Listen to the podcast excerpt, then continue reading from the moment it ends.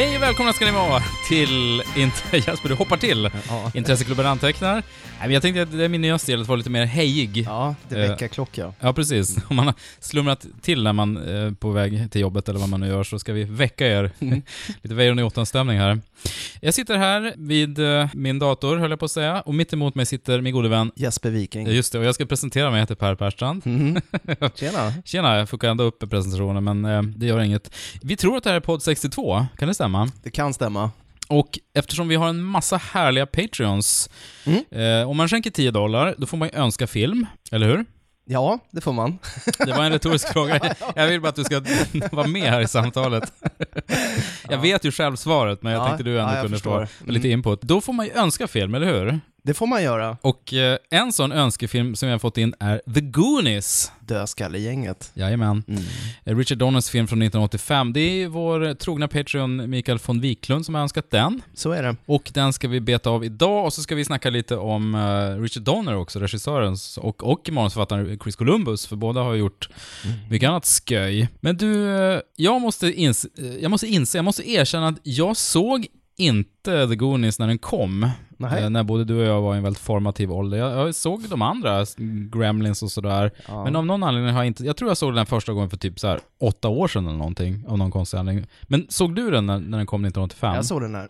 jag såg den på Rigoletto i Åh. Stockholm när den kom. Härligt. Och eh, vill minnas att jag tyckte den var helt okej. Mm. Inte wow-upplevelsen. Du var avmätt redan då, redan ja, som men jag barn. misstänker jag kanske var, jag var ju 13. Mm. Jag kanske var lite för gammal. Mm. Eller jag hade precis börjat kommit in i den här åldern och jag förmodligen empatiserade mer kanske med eh, Josh Brolins roll för Mm. som spelar um, storebror. Mm. Och tyckte att de här uh, grav, små pojkarna var lite för tramsiga. Mm.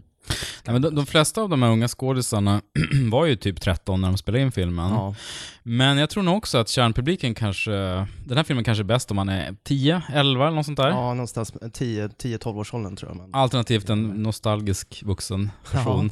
För skillnaden mellan 12 och 13 är ganska stor i Mm. den åldern. Alltså det händer ju mycket på ett år Mm. I, eh, jag ska inte säga mognad, men, men, men det är ju det på något sätt. Mm. Man, man aspirerar till någonting annat när man börjar komma upp i 13 års ålder. Jo men det är väl så. Det börjar bli viktigt att kanske positionera sig också, och markera Mm. vad man gillar och inte gillar. Exakt. Vad som är barnsligt och vad som är Bygga lite sin coolt. identitet. Exakt. They call themselves the Goonies. They've stumbled onto a legend. But they're not alone. Chunk, I hope that was your stomach. No. That's the it. Sounds like Kong. Discover what they uncover. It was full of rubies and, and emeralds and diamonds. The lost map. The secret caves. Hey, The hidden clues. The treacherous traps. Hello, Sheriff. I'm at the Lighthouse Lounge, and I wanna- and I want to report a murder. Just like that last prank about all those little creatures that multiply when you throw water on them. Take the oath. They're here! They're here! Somebody's coming! Join the adventure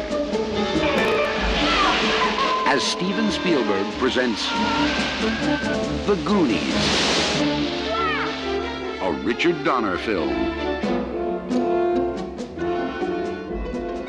Mikey och Brandon Walsh är två bröder vars familj är på väg att flytta från sin stad Astoria i Oregon. Orsaken till detta är att man planerat att riva deras kvarter för att bygga en golfbana om man inte lyckas få ihop tillräckligt med pengar för att stoppa projektet, vilket är väldigt tvivelaktigt. Men Mikey hittar av en slump en skattkarta som leder till den ökända piraten One-Eyed Willys skatter så vännerna bestämmer sig för att ge sig på att hitta dessa. Mm. De hittar ingången till en grotta som leder till skatterna. Problemet är bara att den ligger under en stängd restaurang som numera hyser en efterlyst kriminell familj, Fratellis. De vill inte gärna att deras gömställe läcker ut, samtidigt som de mer än gärna vill ha tag i de där rikedomarna själva, så de ger sig efter ungdomsgänget. En jakt på skatten börjar. Kommer Goonies att hitta skatten först så att de kan rädda sina hem? Mm. Raffel. Ja, Men verkligen. Det är intressant att det finns någon slags uh, jupifieringskritik här i början av anslaget till filmen. Alltså det är ju en ganska klassisk sån här uh, slobs versus snobs trope Mm. som man ser i många här amerikanska 80-talskomedier. Mm. Att det, det är alltid de här, uh, vad ska man säga, överklassen som, som ska sättas dit. Jo men precis. Och samtidigt som man hela tiden också känner att de egentligen vill, vill vara de här uh, lite rikare. Ja, ja visst. Alltså, Alla det- drömmer om pengar givetvis. Ja, Men Det tog ett tag, jag, jag vet inte om det sägs i början av filmen, om jag bara var seg i huvudet som jag brukar vara, men den här killen som slåss med Josh Brolin om, om eh, tjejens, uh, Andreas gunst. Troy. Troy, precis. Att han, han då är son till den här eh, fastighets, eller eh, husägaren som ska... Ja, country club-ägaren. Exakt. Det är han som faktiskt i praktiken vräker den här familjen Walsh då. Ja. Han är så odrägligt uh, preppy och, och vidrig. ja, Vilket är... sannerligen. En klassisk uh, date raper. Mm, ja verkligen. Elefanten i rummet här, Ja. det är ju att nu såg vi om den här filmen under veckan som gått Mm. och ingen av oss tyckte den var bra, K- nej, höll jag på att säga. ja, jag blev lite ställd faktiskt Mm. över hur eh, påfrestande Mm. jag tyckte att den var.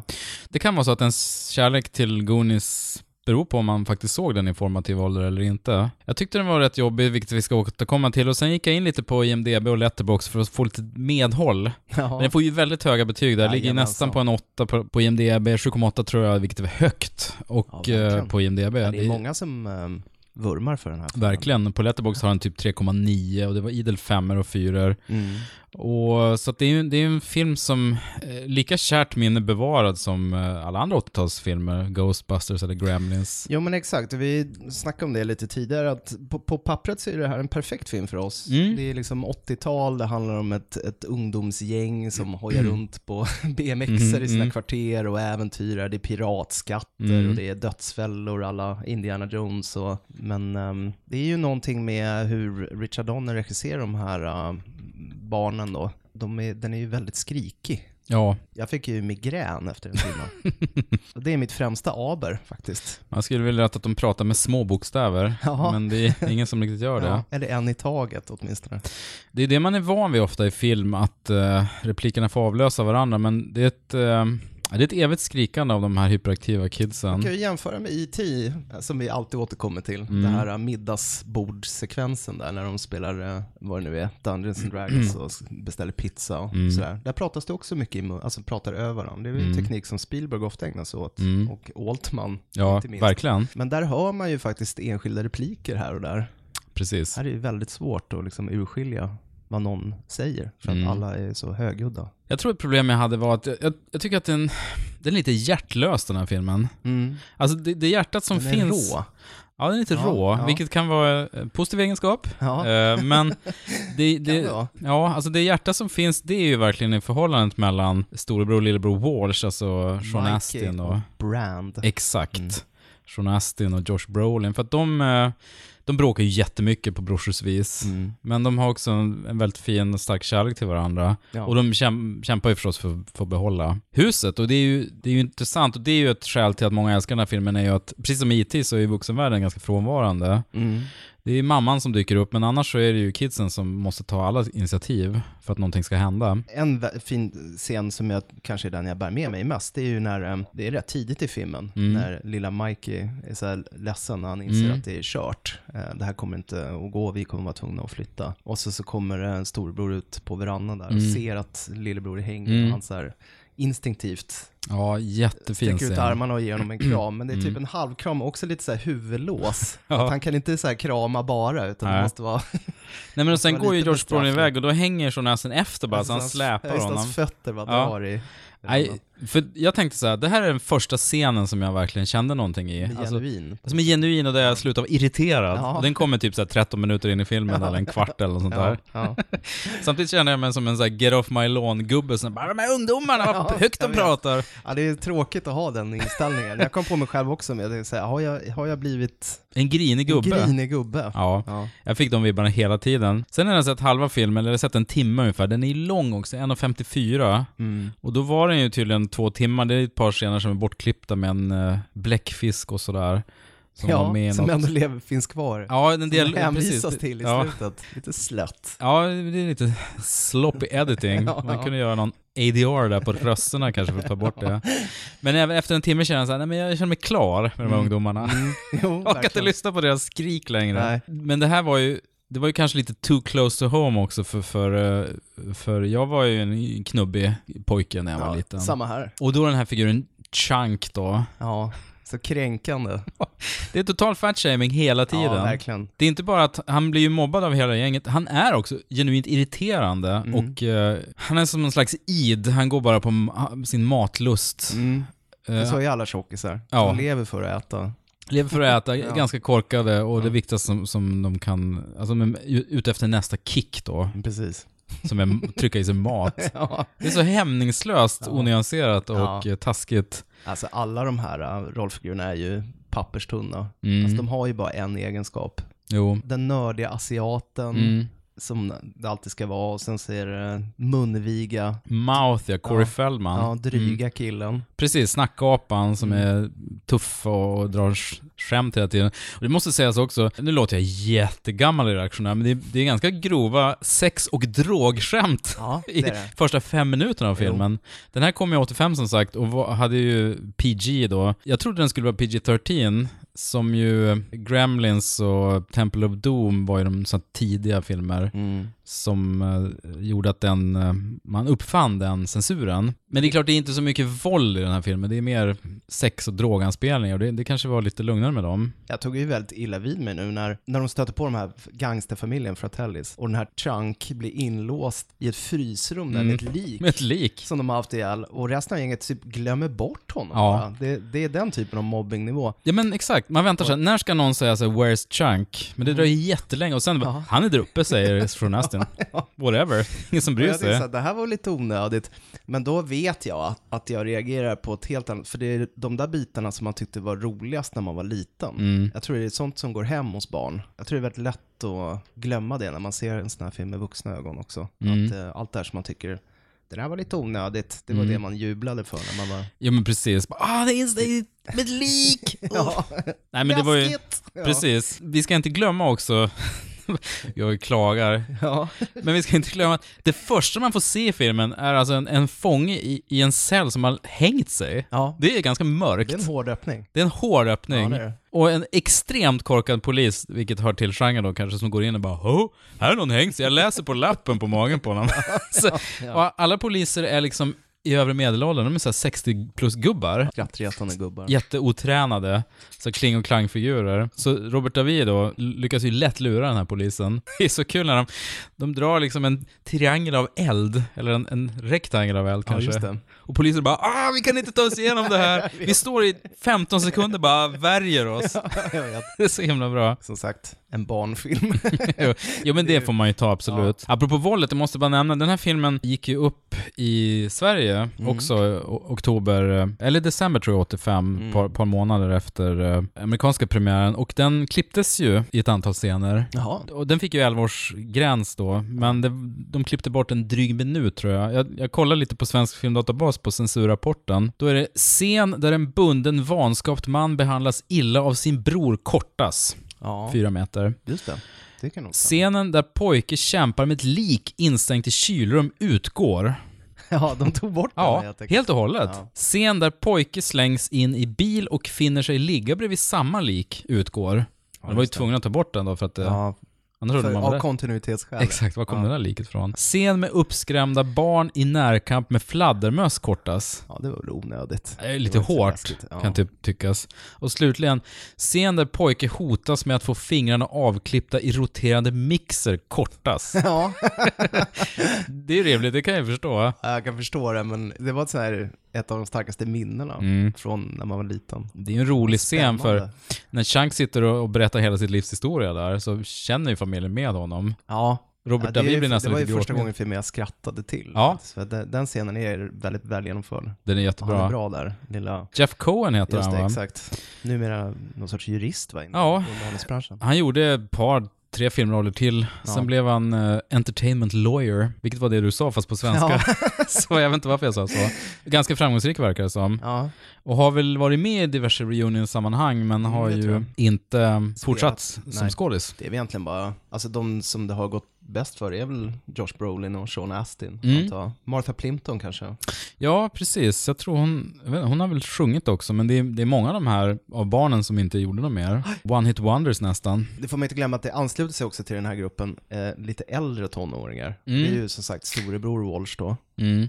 Josh Brolins rollfigur, och så hans, eh, just det. hans storebror, och sen eh, Det här kan bli ett stående inslag. Per var tvungen att kissa. Men så effektivt så jag gör det i ett glas bara. Ja. Hans kärleksintresse Just det. och hennes, eh, som det alltid brukar vara, alltså för hon är ju så här söt och bedårande, Mm. så då måste hon ha en lite så här ah, tuff pojkflickish Ja. kompis. Gla- som har glasögon och Ja. kortklippt Ja. så att hon inte ska vara så snygg. Hon är som Velma i Scooby-Doo. Precis. Den eh, rollfiguren, Josh Brolins kärleksintresse, vad heter hon i Andrea, Andrea. eller Andy kallas hon ju, spelas av. Carrie Green. Det är en sån här rollfigur som tar kvinnorörelsen 20 år tillbaka i tiden. Mm. Alltså den är hemskt. Ja. Motiven. Hon är så supervåp. Hon har ju Mm. liksom inga egen agens, hon har ingenting. Nej, hon är en trofé som, som uh, Josh Brolin ska slåss om mot den här Troy, ja, också. Precis. Som Ja, är helt vedervärdig. Den här scenen när George Brolin förnedras, eh, måste cykla på barncykeln. Det är kul Ja. förresten när han bara tar den här cykeln av ungen. You one, säger han. Ungen bara Bäh! Det var jätteroligt scen. ja, Eh, när de kommer ikapp med bilen, han håller fast hans hand och ska köra, racea. ja, just det. Och sen släpper de och så han bara flyger ut för ett stup i princip, eller ut i skogen. Mm. Det är ju mordförsök. Ja, faktiskt. det är det. Inte okej. Nej, det är inte okej. Det är ingen som så här, anmäler honom för det heller. Han är, Det är bara sånt man får ta. Ja, precis. Det är hårt i plugget. Mm, men han har ju två så här undergivna sidekicks också. Det är så Jo, det är sant. Han uppenbart att har han ju är sina, sina lakejer. kung i gänget där. Och sen så stöter de ju på, alltså den här familjen Fratelli, Mm. ju en, eh, en liten trio som jag uppskattar mer och mer varje gång jag ser den här Ja, filmen. Börjar fantastiska. identifiera mig mer med dem kanske. Man sitter och önskar att de ska få tag på ungarna. ja, faktiskt. Och gärna döda dem. Men de är ju, för Robert Davi och Joey Pants, Ja, Pantoliano. det är ju en bra um, kombo. Mm. Alltså de är också så här nidbilder av italienare såklart, men det är Jo, men det är på något sätt gulligt. Och Robert Davi som hela tiden ska sjunga opera, Mm. han är ju operasångare. Mm, mm. Så det är lite fint. mm. Kanske sjunger lite Puccini, vilket ingen vill höra. Och um, Pantoliano är den bortskämda lillebrorsan Mm. som alltid får morsans stöd. det är kul att se Anne Ramsey Ja, igen som så otroligt bra. någon sorts Ma Barker-figur. Hon är så jävla badass. Mm. Hon är fantastisk. Ja. Men hon fick ju ett sent eh, liksom, brett genombrott. Hon var, Mm. gjorde ju väldigt mycket på 70-talet. eh, Ja, Mycket tv och film birollskådis och sådär. precis. Och så gjorde hon den här och sen så gjorde hon ju Throw Mama from the Train, 87. Ja. Som hon både blev Oscarsnominerad och Golden Globe-nominerad för. Ja. Och hon är fantastisk i den filmen. ja, det är hon verkligen. Ja, det är en tour de force. Verkligen. Men visste du det att hon eh, opererades för cancer i käken? Nej, det visste jag inte. Nej men tydligen var det så, strax före 84, då var de tvungna att ta bort lite delar av både tungan och käken. Usch då. Så det är därför de pratar lite sluddrigt i, i de här två filmerna. Ja, ja, Goonies ja just det. och- Hon är lite Ja, precis. grötig. Och t- tråkigt nog så kom ju cancern tillbaka, så hon dog 88, bara några år senare. Ja, det var tråkigt. Så hon blev, jag tror inte ens hon blev 60.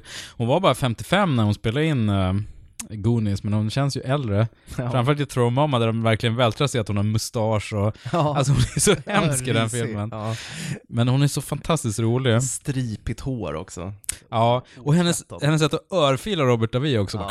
Det är såhär Miss Pigg-örfil, riktigt såhär dagsedlar. Ja, backslap. Mm. Va? Ja, det är hemskt. Det är så bra. Han är som, blir som en treåring Ja. direkt. Mm. Lipar och lider. Jo men det jag gillar med, med de här Fratellis är att de, de har inga riktigt försonande drag, utan de, de vill verkligen ta tag barn och döda dem. Ja, de är hemska. Och man fattar att de är beredda att liksom Mosa, mosa. hennes hand. Exakt, det är inte bara skrämseltänk, de gör det. De skulle ha gjort det. Ja, ja, de skulle ha gjort det. det. Det tror jag också är såklart ett skäl till att många som såg den när de var barn tyckte filmen var så bra, minst den för att det är riktiga att skurkar i den. Ja, de är trovärdiga. Det är inga så här ruskpick knorrhanen som är ganska harmlösa egentligen, utan det här är riktiga. Nej, de råkar ut för lite slapstick, alltså som så här ensam klämma Mm. skurkar, men de är ju mycket otäckare. Det är ju, de är ju Ja. inte Joe Pesci och Nej. Daniel Stern direkt. Ja, som du sa. Ombytta roller? ja, verkligen.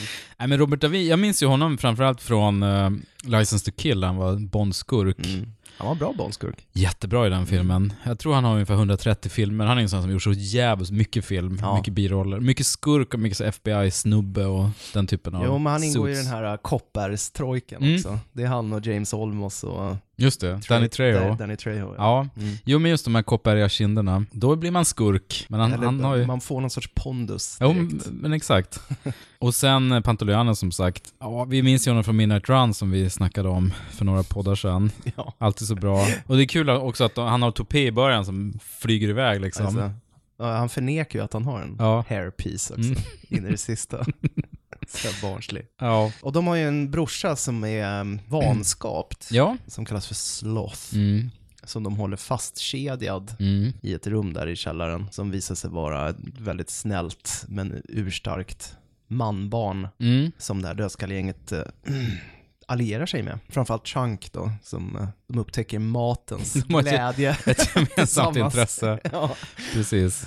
Ja, så här, en, enablar varandra. Ja, han är också en märklig figur. För det är, det är något som är off med hela rollfiguren. Jag vet inte vad det är. Det är Mm. som att alla scener han är med då blir det en annan film. Ja, lite så. Och sen har han blivit så extremt, alltså han är ju deformerad på grund av vanvård och Mm. misshandel av sin mor. Mm. Eh, vilket framkommer i sista akten då. Jag tycker aldrig det riktigt reds ut på ett tillfredsställande sätt. Det är som att så här, ja, det shit happens. Ja, men typ så. Men nu får han äta chokladkakor med den här Ja, men nu blir allting bra. 23-åringen. Då blir Ja. allting bra. Och så räddar han Goonie som sagt Ja. och, och byter sida där. Mm. Det är så kul när, när han får mat i cellen. Han blir så glad så han, han höjer brickan över huvudet och bara wow! Ja, Mat! seger. Ja, snacka om att älska mat. Ja, verkligen. Som tror, triumf. Mat och tv, det Mm. var som de stora drivkrafterna i livet. Men återigen, det är ju sånt som egentligen inte barn blir särskilt illa berörda av. Jag tror man, att man mer som vuxen tänker på det. Ja. Ja. Kanske säger något som sagt om att man blir lite reaktionär med åren. Mm. Jag menar, Gremlins är ju väldigt brutal också. Det är väl mer att det är, de är, det är troll som utsätts för våld liksom. Köksscenen eh, i Gremlins är ju högt det gore eh, ja. ja.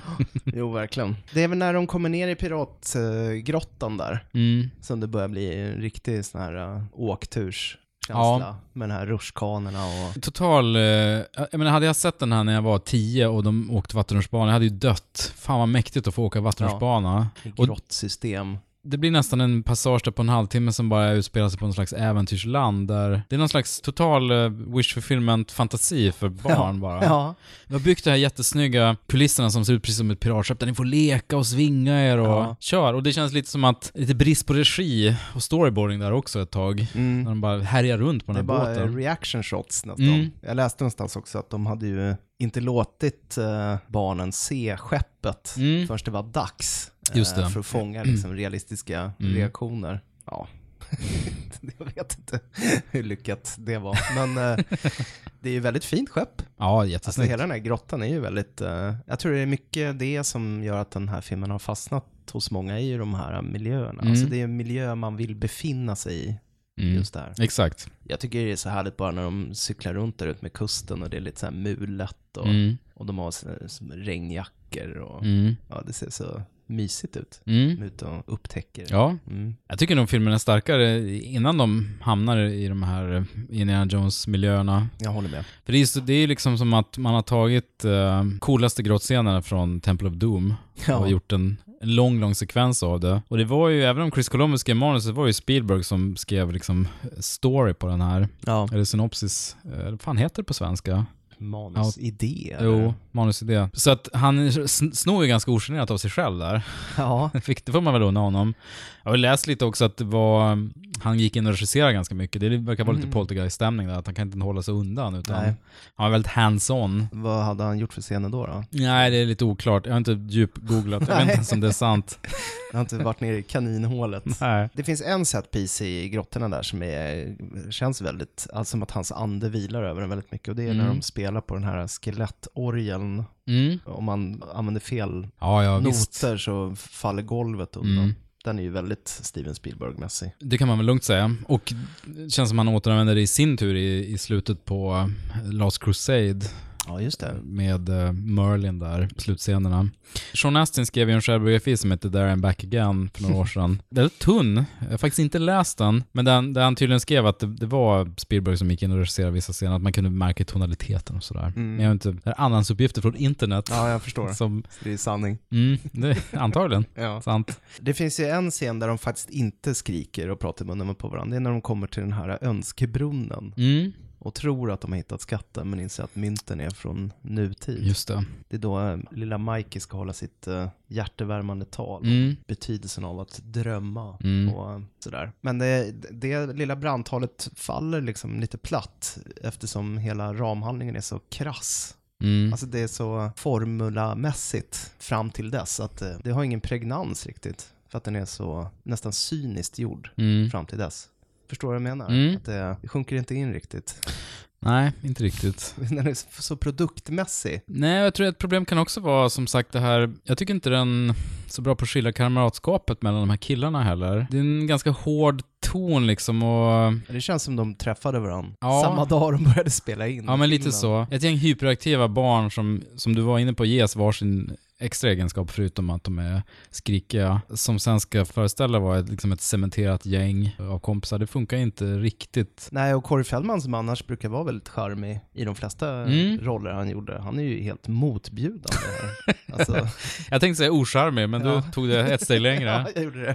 Nej, han är ju otroligt charmig i Gremlins till exempel. Mm. Och jättebra i Stand By Me, Mm. eh, samma eras filmer. Men nej, det, det är som du säger, han, är- han är rätt olidlig här. Ja. Nej, så det var väldigt intressant att återbesöka den, tycker Mm. jag. Jag tror det är en sån här film där man, ja, man älskar, antingen som du säger av formativa skäl, att eh, man- upplevde den som väldigt härlig när man såg den första gången. Mm. Eller så är man en sån här person som har lyckats behålla sitt barnasinne kanske på ett annat sätt än vad vi uppenbarligen har förmått göra. Visst är det så? Jag menar, jag tycker inte jag har svårt, alltså mycket, av- fan mycket som går på bio är ju barnfilmer egentligen. Marvel-filmerna är väl barnfilmer. Ja, För min del var det nog som jag inne på att jag saknar lite no- något av ett hjärta i filmen. Ja lite mer värme. Ja, jag skulle vilja ha lite mer värme. Ja, jag förstår vad du menar. i den. Nu är det Sean Astin och Josh Brolin som, som sagt får stå för det. Jag tycker de är också de bästa skådisarna. Förmår ge, göra mest av sina, som du sa, ganska tunna Ja. rollfigurer. Nej, men de två är fina. Mm. Alltså deras syskonrelation är ju trovärdig.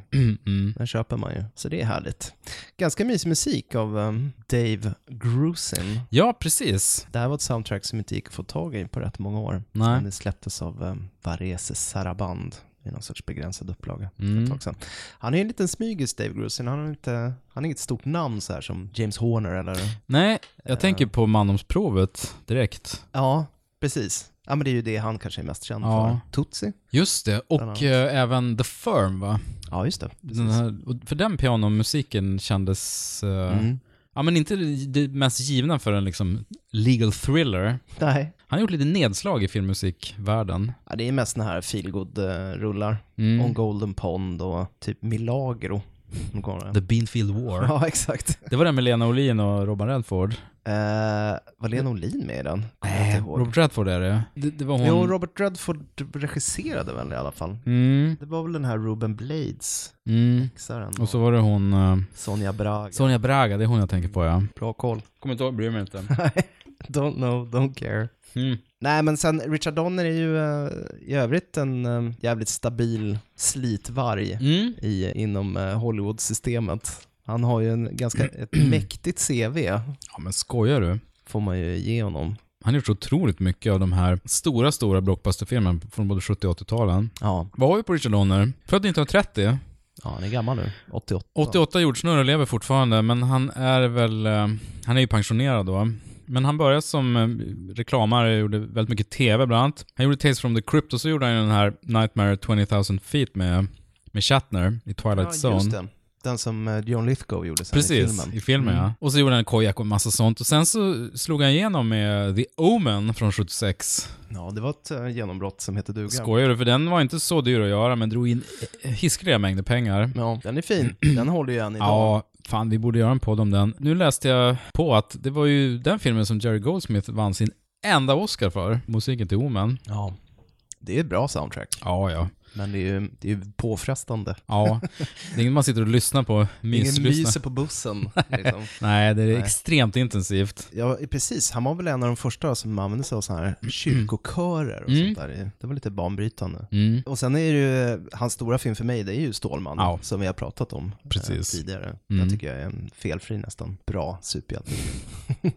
jag tror han var en av de första som insisterade på att hantera superhjältar på film på allvar, Mm. alltså att det inte ska vara camp Nej, eller men så här exakt. skoj. Så han har ju influerat eh, i princip all, eller 80% av all film som går på bio idag. Ja. Den är härlig. Superman 2 har ju inte han officiellt gjort, det är väl den här Richard Lester Ja, det blev ju lite dålig stämning. Jag tror vi pratade om det i Stålis-podden också. Mm. Eh, han vill väl inte stå bakom slutresultatet. Det såg du den här The Richard Donner Cut som släpptes för typ Nej, 2006? eller vad det jag har inte sett den men jag har den på DVD. Du har det? Ja. Mm. Så att i princip har jag sett den. Mm. För jag har den på hyllan. Du är bara, ett, eh, du är bara två timmar från att se den. Exakt. Du behöver bara sträcka ut handen. Det är kunskap jag äger, men inte kan prata om Tyst kunskap. Nej, för då är väl, vad jag förstått så, så klipptes väl Marlon Brando bort i bioversionen, men i den, just det. i den är, dels har han trimmat bort alla Richard Lester-scener, lagt in sina egna, som en liten scen, upprättelse. Nej, men sen gjorde han ju alla Dödligt Vapen-filmerna, som ju var braksuccéer då också givetvis. Ja, det är en fet box office-franchise, Mm. såklart. De har ju fallit i glömska lite kanske vid det här Mm. laget. Lethal Weapon. Mm. Vilka är bra de egentligen? Det är väl ettan och tvåan då. Sen Ja. var det inte så jävla kul kanske. Trean var bra för att René Russo var, var kul sparringpartner till Mel det, Gibson. var med där, ja. Men jag tror att själva mysteriet, eller själva brottsfallet med någon fastighetsbaron eller Ja, något, det det var. fastighetsmäklare, eller Ja. någon byggbolagsgubbe som, Mäklaren. ja, som skulle höja värdet på Ja, något eh, radhusområde eller någonting. Mm. Nej, det var, och skydda inga medel. Ja. Jag tror finalen höll, höll de på med, med liksom gaffeltruckar och grävskopor och Ja, någon det. shootout på något bygge där. Ja. Det var inte så hett. Och sen fyran kommer jag ihåg, för den såg jag på bio, med, det var ju Jet Li dök upp. Så var det ja. Och den har jag för mig var ganska bra. De starkaste minnen har man ju av ettan och sen av uh, Joss Ackland och Sydafrika-gänget. Diplomatic immunity. Exakt. I tvåan då. Krygerens. De gjorde honom till kafferved. Ja, just det, det. Jag kommer ihåg legendarisk svensk översättning. Kafferved, ja.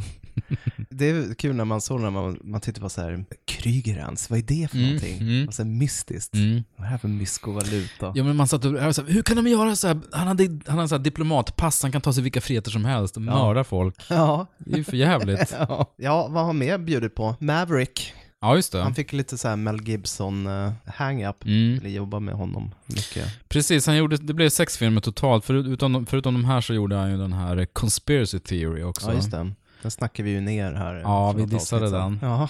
Julia Roberts och Mel Gibson. Men just Ja. att, som vi sa i Shyamalan-podden, att när, när han ska, han spelar över så mycket Mel när han ska vara galen. Mm. Överspelet i första Dödligt vapen som man tyckte var, jag tyckte det var härligt då i alla fall. ja, men då skulle han ju vara galen. Jo, kan bli lite olidligt nu. Men jag får det var starkt när han satt där i sin deppiga trailer och stoppade pistolen i munnen och... Ja, det var ju gripande. Det var gripande, det var, det var för. första gången man såg en hjälte som ville ta livet av sig. Mm. Så det var lite chockartat. Mm, ja men det var det faktiskt. Ja. Men Conspiracy Theory, var inte den också så här vansinnigt lång? Jo. Så här 2.20 eller någonting. Jag tror det. Outhärdligt lång. Mm. Som den inte riktigt hade story för. Nej. Riktigt. Det, så var det nog. Sen gjorde han ju en eh, ganska bortglömd, men enligt min mening fin liten eh, sci-fi-rulle som heter Timeline med Paul Walker, Rest Åh, in den har inte jag sett. Ja, och eh, Gerard Butler. det fanns ju faktiskt en tid då Gerard Butler var lite så här, kanske inte intressant skådis, Mm. men ändå liksom, Jag tyckte, när man såg 300 tyckte man han, var, Ja. han var ändå rätt cool. Så här. ja, why not? Han Alltså- var ganska bra som Dracula också tycker jag. Kommer du ihåg det? Han spelade Dracula. Nej, vilken film då? Dracula 2000 hette den. Har inte sett den. Har inte sett den? Nej. Senast jag såg honom, med honom var ju Geostorm. Ja, Fruktansvärt dålig. Och apropå han är så... Netflix. Ja, ja, gud. Och han var så kass också. Det är en riktigt dålig Det är svårt för... katastroffilm. Ja, den levererar inte på något plan riktigt. Scrooge gjorde ju Richard Donner också. Ja, det är ju en riktigt bra film. Mm. Det är en av hans bästa. Mm. Och sen hans sista film, 16 Blocks. Ja, den är en liten doldis. Ja, jag gillar den också. Den Bruce fick inte Willis jättebra och- kritik. Ja, Nej, men precis. Mos Def Ja. och Bruce Willis. Ja. Bruce är en uh, nedgången, alkad snut som ska transportera ett uh, vittne Ja. i ett brottsmål. Några, ja, 16 blocks helt enkelt. Mm. och, eh, Hur, många, hur många kvarter var det nu igen? ja, ja, men det är spännande. Det är som The Warriors, Mm. ungefär. Samma upplägg. Ja men det är bra så här enkelt koncept och sådana här klassiska, han är trött som fan och Mos Def är snabbsnackare. Eh, Det är en sån här buddy cop-premiss. Ja, och som jag minns den, alltså man har ju sällan sett en tröttare polis än Bruce Willis Nej. i Sex Han är så trött. Han är bra när han är trött. Ja, jättebra. Nej, den var riktigt fin vill jag minnas, så det är lite synd att den fallit i glömska. Ja, men som du sa, det, det blev ju hans eh, sista film som regissör. Bruce Willis, eh, han är precis som Ben Affleck. Jag tänkte på nu när jag såg den här, um, den dök ju också upp på Netflix häromdagen. Uh, Triple, from, Triple Frontier. Triple Frontier, Mm. ja. Ben Affleck, en ledsen, trött Ben Affleck. Mm. Det är ju den bästa Ben Mm. Det är då han verkligen Ja. lyser som en skådespelare. ja, men jag gillar den här scenen när, jag vet inte om det är första scenen man får se honom i när han ska sälja den här lägenheten. Ja, Han är så, det är så halvhjärtat. ja, Ja, här ser ni utsikten, sen tegelvägg. ja. Och här är det fina köket, och ser man kranen droppar så här. Han har inte ens orkat dra Nej, kranen. vet. Så här, trött. Han bryr sig inte. ja. Nej, jag gillar också, jag tyckte han var, han, Han, var, bra. behållningen i den för Mm. mig. Och då var det ändå många bra skådisar. Mm. Alltså Oscar Isaac och Mm. eh, ja, australiensarna. Ja, Garrett Hedlund, han var ju så hemsk i Tron Legacy. Ja. Men sen tycker jag han har lyft sig själv. Han var ju bra i den här Mudbound till exempel. mm, jag såg aldrig den. Nej, gör Nej. det. Där var han kalas. Mm, jag skulle vilja se, för jag tyckte han var svag i Triple Frontier också. Och sen han, eh, fast han är ju britt, uh, Sons of Anarchy. Ja, filmen. fan heter den? Jag såg den här filmen häromdagen. Var det han som var med i... Uh, Han spelar, ju, han spelar ju Papillon nu också. Just det, Papillon. just det, han och Rami Malek. Mm. Han heter Bruce Willis. Gud vad dåligt. Usch! Fy. Hur kan vi inte kunna det här?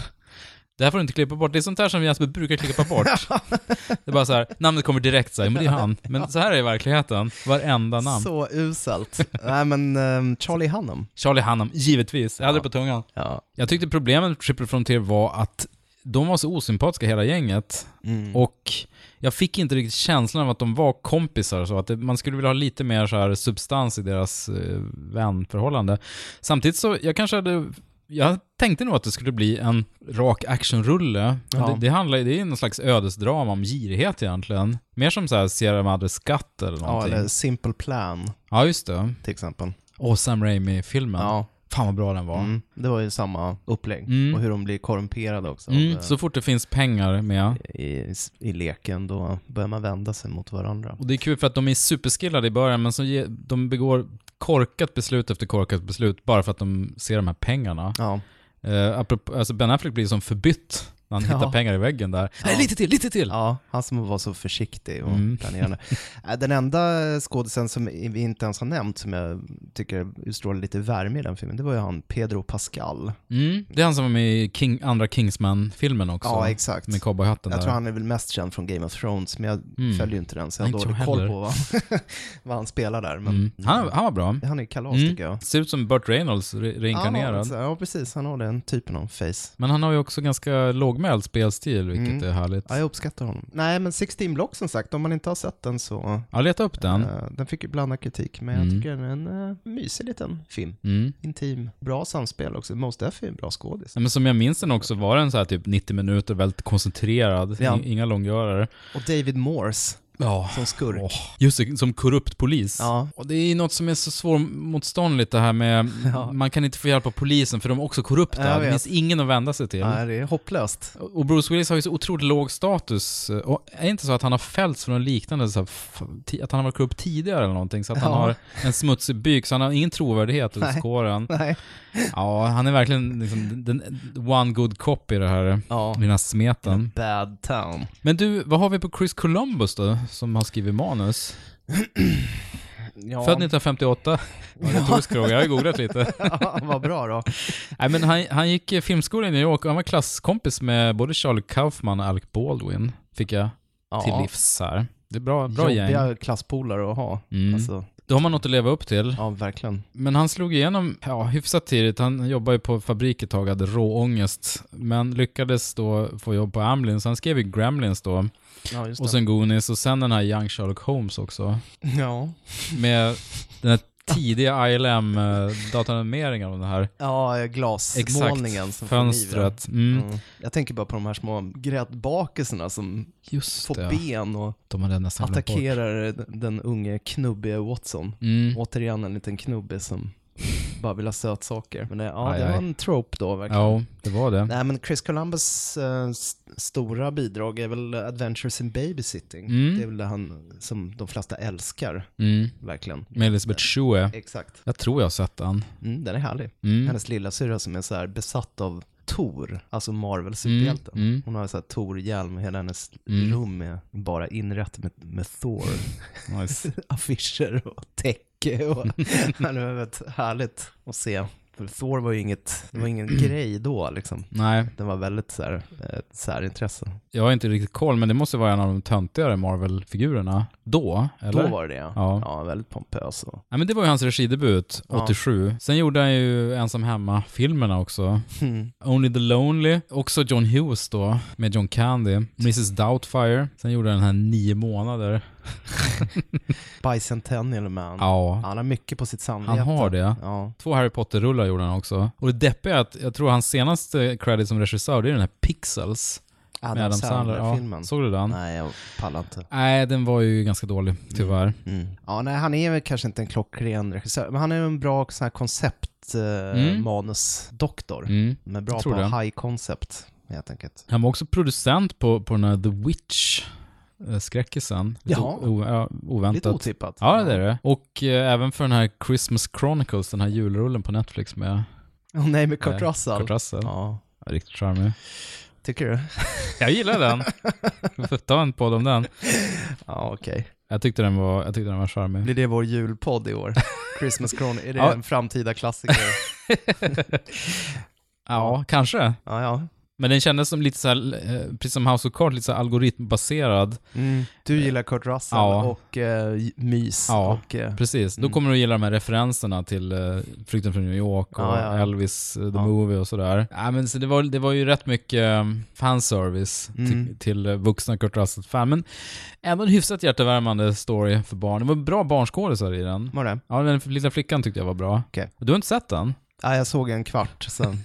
Just det, du slog av det, det Ja, kommer jag ihåg. Ja. Ja. Hatar den. ja, det är ett starkt ord men Nej, jag var inte så intresserad. Nej, den, den känns lite spekulativ, men eh, den, den är, hamnar nog inte i samma starka julfilmskanon som eh, Gremlins eller It's a wonderful life eller... Shop around the corner. Nej, precis. Ja, den har vi ju kvar att göra. Mm. Det får vi ta i. Jag har ju det. Nej, men ska vi ta en wrap-up på det här då?